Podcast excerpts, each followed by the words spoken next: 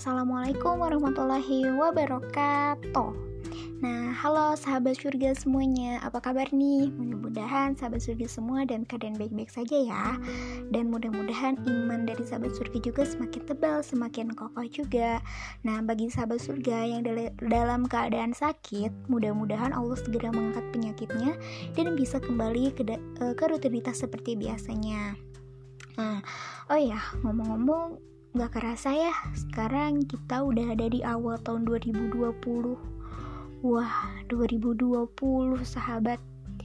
Ngomongin 2020 nih ya Pasti banyak banget deh dari sahabat surga semua Termasuk aku sendiri ya Pasti ngomongin tentang resolusi kita di tahun 2020 Dan pastinya banyak banget nih sahabat surga yang menginginkan di tahun 2020 itu menjadi pribadi yang lebih baik pokoknya menjadi yang serba-serba-serba lebih baik.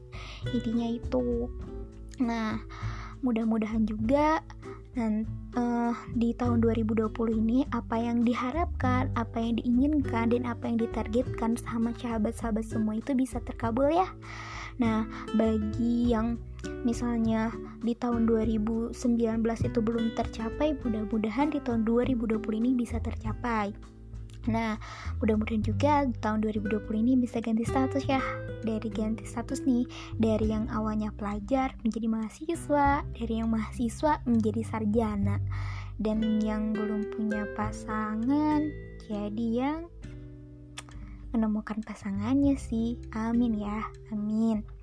Nah, oke okay nih, uh, sahabat surga semuanya ngomongin tentang resolusi tadi ya. Kalau aku pribadi sendiri nih, kalau ditanya apa sih resolusi kamu di tahun 2020, pastinya aku akan dengan lancarnya menyebutkan berbagai macam target, berbagai macam harapan aku di tahun 2020 aku. Mulai dari A sampai dengan Z, mulai dari yang pertama sampai dengan kesekian aku dengan gampangnya aku bisa mengatakan hal demikian. Tapi seketika aku bisa diam seribu kata. Lah, kenapa? Karena pernah nih ada seseorang yang bertanya sama aku. Tanyanya apa? Gina, kamu sampai 2020 ini apa aja sih yang telah kamu lakukan yang bermanfaat? Apakah kamu sudah menjadi manusia yang bermanfaat? Apakah kamu sudah ikut berkontribusi untuk umat?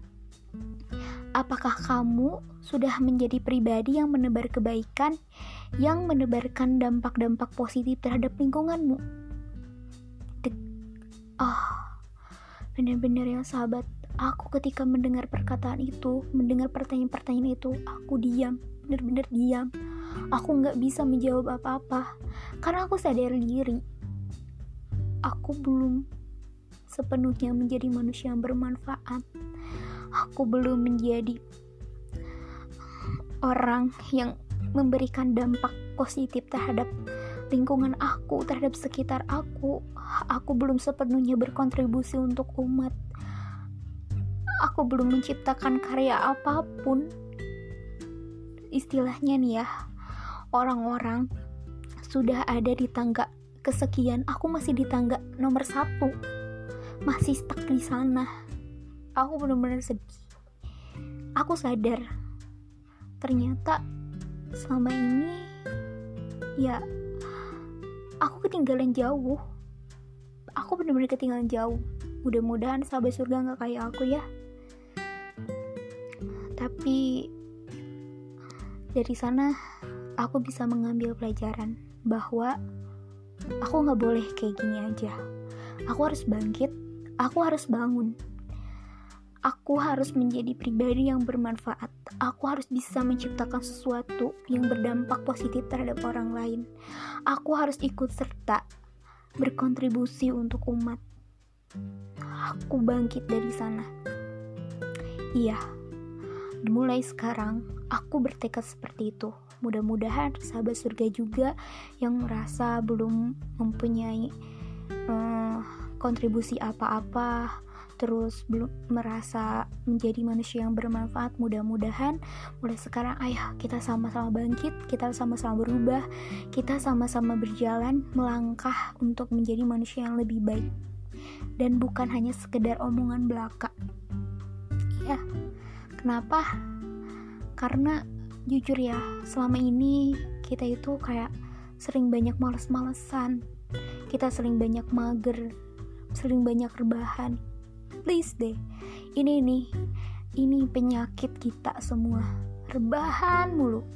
Dekat mendekatkan terus lambung kita pada kasur mulu. Padahal nggak boleh. Masih banyak kok uh, apa namanya perbuatan-perbuatan lain, pekerjaan-pekerjaan lain harus kita lakukan. Dan itu tuh bermanfaat buat diri kita. Please, sekarang jangan rebahan terus. Oke, okay, kalian boleh istirahat, tapi sewajarnya istirahat yang cukup, jangan keterusan. Karena aku pernah mengalami, yaudah, aku mau rebahan dulu, aku mau istirahat dulu. Uh, sebentar aja, nanti aku bakal beres-beres, aku bakal sholat ini, aku bakal ngelakuin ini aku bakal sholat duha. Eh udahlah bentar aja deh. Kayak gitu. Tapi udah aku rebahan udah aku tiduran kayak gitu. Bener-bener malas bangun. Akhirnya coba aku pernah waktu itu nggak sholat duha. Nggak sholat duha guys. Aku juga menyanyiakan waktu luang aku. Aku nggak beres-beres. Dan bener-bener kalau udah yang namanya rebahan itu aku jadinya males. Jadi oke okay, mulai sekarang jauhi rebahan. Jauhi mager jauhi malas-malasan. Karena gini ya aku pernah mendengar dan aku pernah membaca sebuah hadis bahwa ada dua nikmat yang sering sekali disepelekan oleh manusia. Apa aja? Yang pertama itu nikmat kesehatan dan yang kedua adalah nikmat waktu luang. Nah untuk nikmat kesehatan hmm, kita harus sadar bahwa kesehatan yang kita dapat ini tentunya nantinya juga akan dipertanggungjawabkan. Apakah kesehatan kita itu dipergunakan untuk hal yang baik atau enggak? Apakah nikmat sehat kita itu digunakan untuk pergi ke tempat-tempat yang uh, positif atau enggak?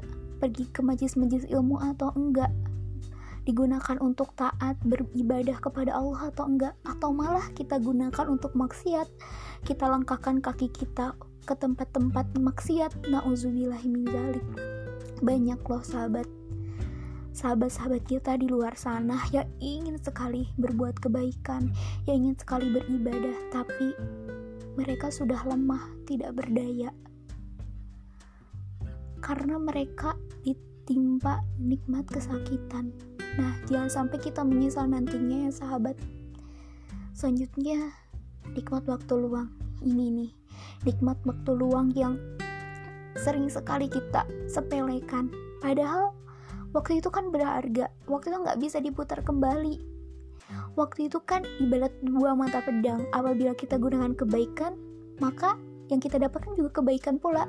Tapi apabila keburukan, maka dampaknya juga akan keburukan juga nantinya jadi intinya ayo kita jangan menyepelekan nikmat kita itu. Dua nikmat itu jangan pernah kita sepelekan kawan.